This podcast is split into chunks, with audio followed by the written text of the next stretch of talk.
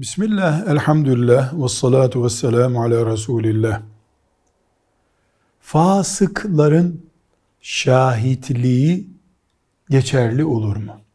Şahitlik ne demek? Ben bunu gördüm diye mahkemede veya gerekli bir yerde belge olmuş oluyor. Caiz mi? Fasık kim? Büyük günahları işleyen insanlar demek. Kumar, zina, ve bunu gizlemiyor. Bunlara fasık diyoruz. Böyle kimseler Müslüman ama şahitlik yapabilirler mi?